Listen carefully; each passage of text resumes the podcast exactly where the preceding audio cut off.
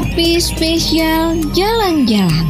Sebuah program news yang dikemas dengan obrolan santai terkait informasi di kota Depok.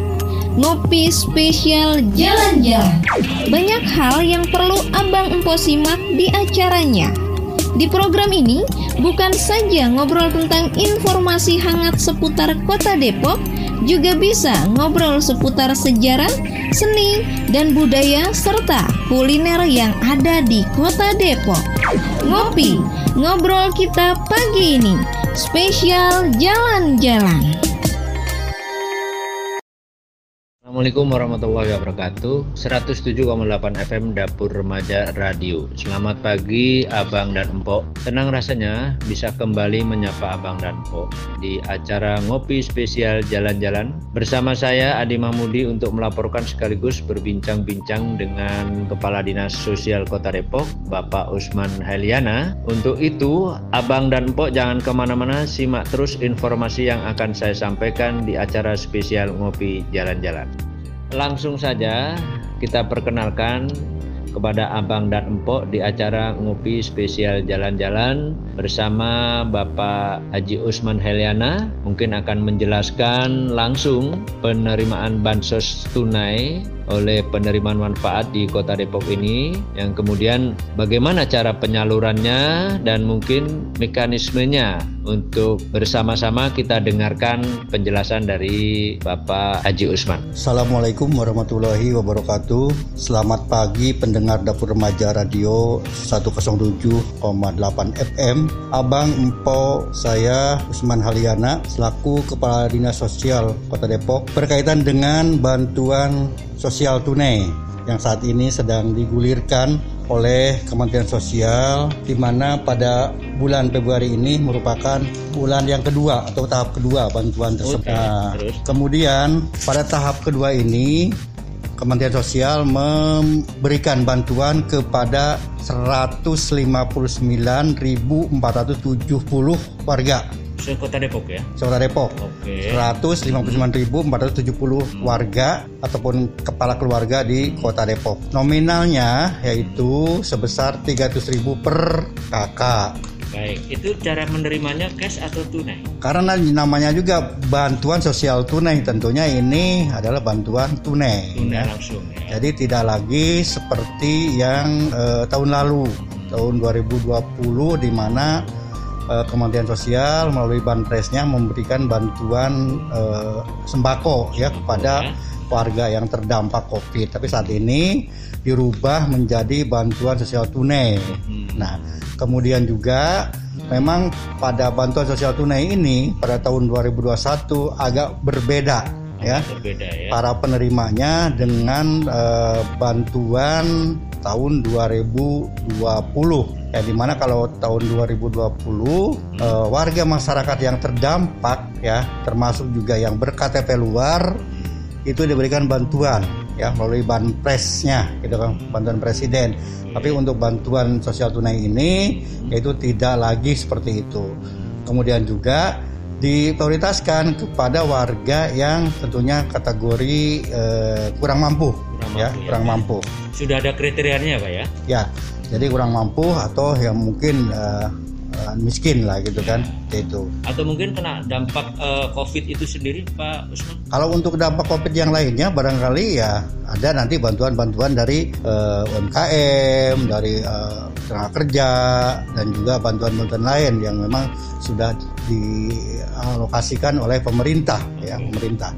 Sekali lagi saya mohon penjelasan Pak Usman dari tahun 2000 ke tahun 2001 ada peningkatan nggak penerima manfaat Dari tahun 2000 ya khususnya uh, bantuan yang diberikan oleh pemerintah pusat sebetulnya udah banyak sekali ya. Yeah. Ya di antaranya yaitu bantuan yang selama ini sudah berjalan dari tahun 2017, oh, 2017. Ya, terkait masalah uh, bantuan PKH. Oh, PKH. Nah, kemudian juga bantuan BPNT. BPNT ini bantuan pangan non tunai ya ini diberikan dalam bentuk sembako yeah. dan ini sudah berjalan ya bertahun-tahun yeah. sampai dengan saat ini. Yeah. Kemudian juga bantuan uh, bagi uh, KPM PKH ya ini sebetulnya satu paket ya hmm. paket di mana PKH itu memberikan bantuan kepada eh, ibu hamil, Mhm. kemudian juga anak sekolah, kemudian juga lansia apabila ada di dalam keluarga itu, kemudian eh, bantuan bagi anak yang disabilitas, Oh, difabel. disabilitas, Jadi ya. itu ada kriterianya. Jadi bukan berarti semua mendapatkan bantuan yang hamil misalkan. Selama ini kan ada salah pengertian juga nih. Iya, iya. Ya datang ke dinsos Oh, eh, karena mungkin dia hamil ataupun keluarganya hamil dia minta bantuan Minta gitu kan bantuan. ataupun yang lansia datang ke dinsos gitu kan padahal bukan itu tapi eh, mereka yang mendapat bantuan PKH itu ban- eh, mereka yang sudah terdaftar sebagai peserta PKH atau anggota Hmm. PKH gitu kan bukan bukan kepada semua eh, seluruh masyarakat gitu Dikasih, kan ya. tapi sudah ada kriterianya yaitu kriteria memang eh, keluarga yang kurang mampu gitu kan dan juga tidak eh, secara parsial gitu Iya. kan. Oh ini yang hamil dapat ini bukan. Tapi dalam satu keluarga itu Dalam gitu satu kan. keluarga itu Ah. salah satu pasti ada yang dapat karena melihat eh, eh, keluarga itu sendiri ya. betul ya. Untuk untuk para para eh, KPMPK ini ya dia dapat semua. Kalau dia ya, eh, apa keluarganya atau istrinya ataupun ibu rumah tangganya dia hamil ya dapat bantuannya. Kemudian besarannya juga ya cukup cukup lumayan lah. Iya. sekitar berkisar 3 jutaan gitu kan kemudian juga misalkan dia punya anak disabilitas punya anak sekolah ataupun juga ada lansia di situ nah kriteria untuk lansia ada perbedaan nih Oh, ada perbedaan dari tahun-tahun Apa tuh sebelumnya. kira-kira Pak Haji? ya, ya kalau dulu lansia itu kategorinya yaitu yang berusia 60 tahun 60 ke tahun. atas. Tapi sekarang ini yang ditentukan oleh eh, apa Kementerian Sosial itu yaitu lansia itu yang mendapat bantuan yaitu yang berusia 70 tahun. 70 nah, ini tahun. juga agak jauh juga Jauh gitu kan. juga ya. 70 Ya. tahun ke atas ya. Iya, Jadi, jadi- menunggu jadi- 70 tahun baru dapat tahun ya. gitu kan ya. ya itu Oke, barangkali ya. Nah, kemudian Pak Haji, eh, peningkatan itu otomatis ada ya Pak Haji ya? Nah, selanjutnya bantuan-bantuan dari pusat di antaranya selain dari PKH, kemudian bantuan BPNT, juga ada bantuan-bantuan lain ya. Hmm. Bantuan lainnya yang kemarin tuh kita tahu Banpres gitu kan. Kemudian juga ya dari dari tingkat provinsi juga ada bantuan dari provinsi ya dari Gubernur Jawa Barat yaitu kepada yang terdampak Covid. Termasuk juga bantuan dari kita Kota Depok ya. Dari Kota Depok berapa Pak ya. Kota Depok? Ya untuk Kota Depok tahun 2020 itu ya kita menggulirkan atau memberikan tiga tahap ya. Tiga tahap ya. Tiap tahap. Ya itu eh, jumlahnya bervariasi ya jumlah jumlah penerimanya mulai dari ya, pertama 30, tahap kedua 51 ribu sekian, Hmm. kemudian pada tahap ketiga itu 59 ribu gitu kan Hmm. dan dan itu besarannya sebesar 250 ribu Oh, peta ada Kota pelipatan ya jadi ya. Ada Ah. pelipatan yang jadi yang 250 ribu itu pelip, ada pelipatan itu tadi ya Pak Haji ya? Bukan, bukan Oh, pelipatan. Jadi eh, penerimanya bertambah. Oh bertambah. Bukan bukan berarti yang misalkan eh, dia dapatnya di tahap ketiga satu kedua dapat enggak. Oh enggak. Dia nggak dihitung gitu ya. Dia, dia, Baik. dia masuk tahap tiga ya apa namanya hanya sekali tahap tiga aja. Kalau kebetulan dia yang dapat dari pertama ya dapat tiga kali berarti Tiga gitu kali, kan. ya. Kenapa demikian? Ini kan karena memang ya kita eh, selalu me- apa namanya eh, menjaring data ya Hmm. data jangan sampai juga data itu double kemudian juga penerima juga double gitu kan. Nah berkaitan dengan tadi yang ditanyakan oleh Bang Adi ya mengenai saat ini yang sedang digulirkan yaitu BST dari dari dari pusat yaitu yang sebanyak 159.470 eh, KK atau KPM ini di apa namanya didistribusikan oleh PT Pos Giro. Oh Ya, iya iya. PT Pos Giro jadi eh, datang langsung ke ke eh, apa namanya ke rumah penerima Hmm. kemudian kalau juga ada tiga ini kalau saya lihat tiga tiga alternatif Iya. juga ada juga yang diunggulkan di tingkat RW Hmm. ya di RW kemudian apabila misalkan ternyata sudah eh, kelewat waktunya nanti biasanya diberikan kesempatan ya Hmm. kesempatan waktu berapa hari gitu kan oleh kantor pos untuk Iya. ngambil langsung ke eh, PT Pos yang ada di Pos Jalan langsung. Sentosa Sesuai gitu data kan. yang ada di itu ya. Iya dengan Oke. membawa KTP. Pendataan itu mungkin ada dari pihak dinas sosial sendiri atau mungkin secara online Haji? Nah, khusus untuk eh, data eh, BST ini ya yang yang tunai ini, nah eh, dinas sosial diberikan eh, apa namanya kuota Kuota Nah, sebanyak 188 ribu Nah, 800 ribu uh, KPM atau KK. Kemudian kita ke sana uh, kita menyampaikan juga Hmm. 199 ribu. Wah, jadi ada peningkatan ya. Ya, ya kita lebih kan dong gitu Lebih kan. ya. 199 ribu gitu. Dari mana datanya? Data dari Ekban Press. Data dari ex bantuan Pemda Kota Depok gitu kan. Hmm. Kan Ekban Press itu 123 ribu eh, lebih. Iya. Kemudian juga data dari eh, ex eh, bansos kota itu sebanyak 59 ribu. Tambah lagi data dari eh, DTKS. DTKS. Karena yang harus diutamakan adalah DTKS. DTKS Nah, ya Pak ya. Nah, kecuali ya, kecuali ya tadi tuh PKH dan eh, yang sudah menerima BPNT itu Iya. Di, Itu di luar ya? di apa namanya tidak diberikan Tidak PST diberikan ya gitu karena kan. mereka dapat bulanannya ya. Ah, iya, Gitu karena ya. sudah ada dia dalam tahapannya gitu Oh, kan. oke, oke. Seperti itu. Nah, yang disetujui ataupun yang di apa namanya di eh, akomodir Hmm. itu sebanyak tadi itu 159.470 gitu kan. Iya. Nah sisanya ya itu ada juga yang tidak valid data itu dikembalikan kepada Kembalikan ya. kami ke sini dan kami juga tidak lanjuti ke kelurahan untuk dapat diverifikasi kembali ya. Ah, supaya Jadi untuk dilengkapi. informasi ya. kepada pemirsa pendengar radio Dapur Remaja Pak Haji, mungkin eh, data tersebut dianggap mungkin kata Pak Haji valid atau memang hak penerima ada semua Pak Haji? Nah, bagi mereka yang datanya tidak valid, tentunya tidak ngeri, tidak tidak dapat Menerima. ya, Ya, tidak dapat. Betul. Dan itu saya minta kepada para lurah untuk di eh, verifikasi ulang. Oh, verifikasi ulang. Kemudian di eh, apa namanya semacam disempurnakan data itu gitu kan. Hmm, Karena tidak tidak sedikit nih, banyak juga yang datanya itu salah. salah ya. Nicknya bener tapi namanya lain Hmm, ya.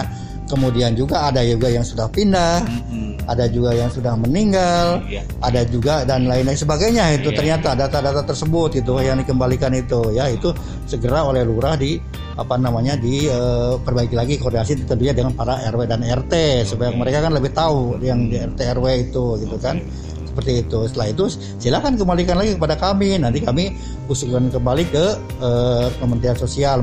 Karena Kementerian Sosial sekarang ini eh, apa namanya eh, yang memberikan bantuannya itu bukan lagi kalau yang kemarin Banpres itu dari Dirjen Perlindungan dan Jaminan Sosial. Iya. kalau sekarang ini yang BST ini tapi dialihkan kepada Dirjen Penanganan Fakir Miskin jelas kan Jelas ya. Nah, jelas Jadi, berarti itu untuk orang-orang yang Orang-orang yang fakir miskin yang gitu kan menerima ya, Nah, tidak mampu. ya kalau selama ini mungkin ada data juga yang masih kurang tepat sasaran Mhm. ya sebaiknya jangan diterima gitu kan karena memang ini dibutuhkan untuk Oke. orang yang fakir miskin Fakir lah gitu miskin. kan tuh nanti berikanlah kepada eh, yang eh, memang eh, kategorinya memenuhi itu tapi jangan langsung dialihkan nggak bisa sekarang dialihkan Oh gitu ya. ya harus nanti diupdate dulu ke sana datanya Oh, gitu kan Lagi ya. Eh, eh, tidak boleh misalkan oleh Bang Adi ini terima Bang Adi misalkan orang mampu kemudian Hmm. diberikan kepada yang tidak mampu ya nggak bisa Oh, gitu Harus dikembalikan ya. kembalikan. Oh, dikembalikan. tidak akan diberikan oleh kos juga kan nggak Oh, bakalan gitu betul, kan kata kos nggak bakalan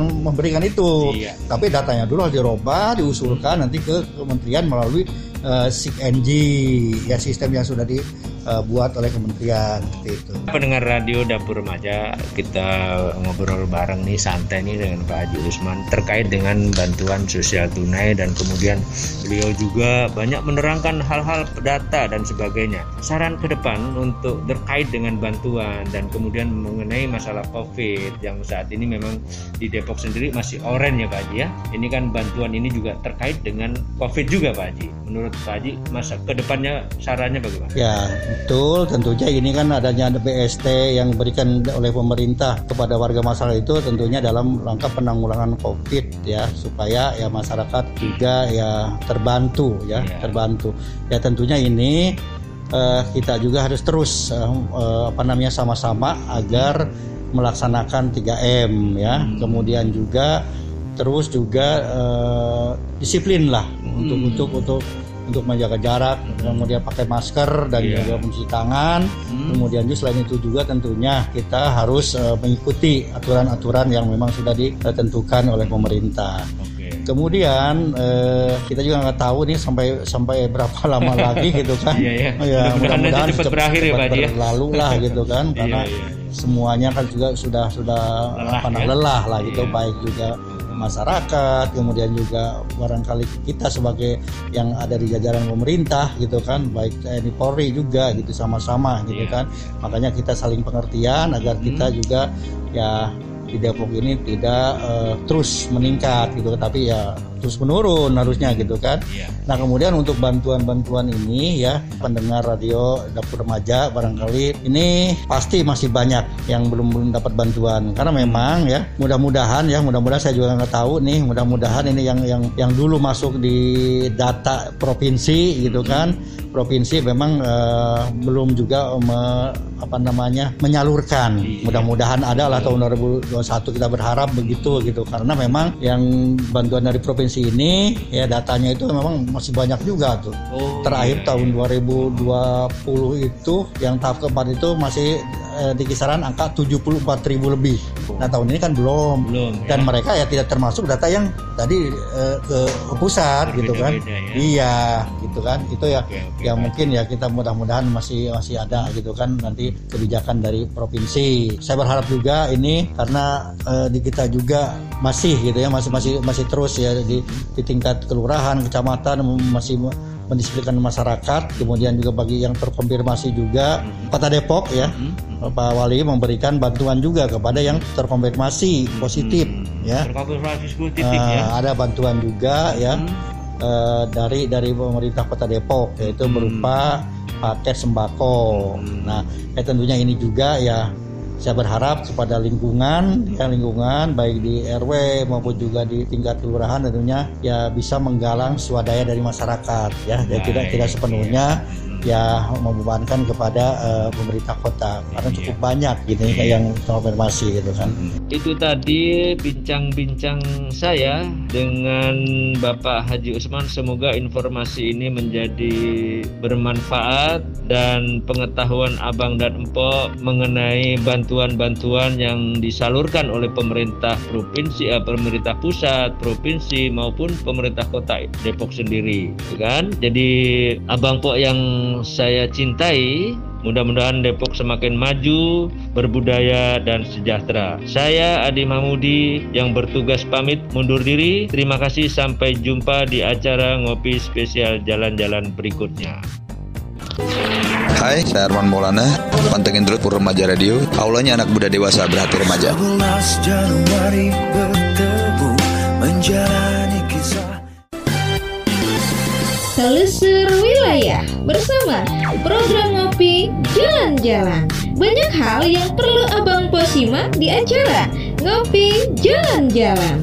mengungkap fakta dan fenomena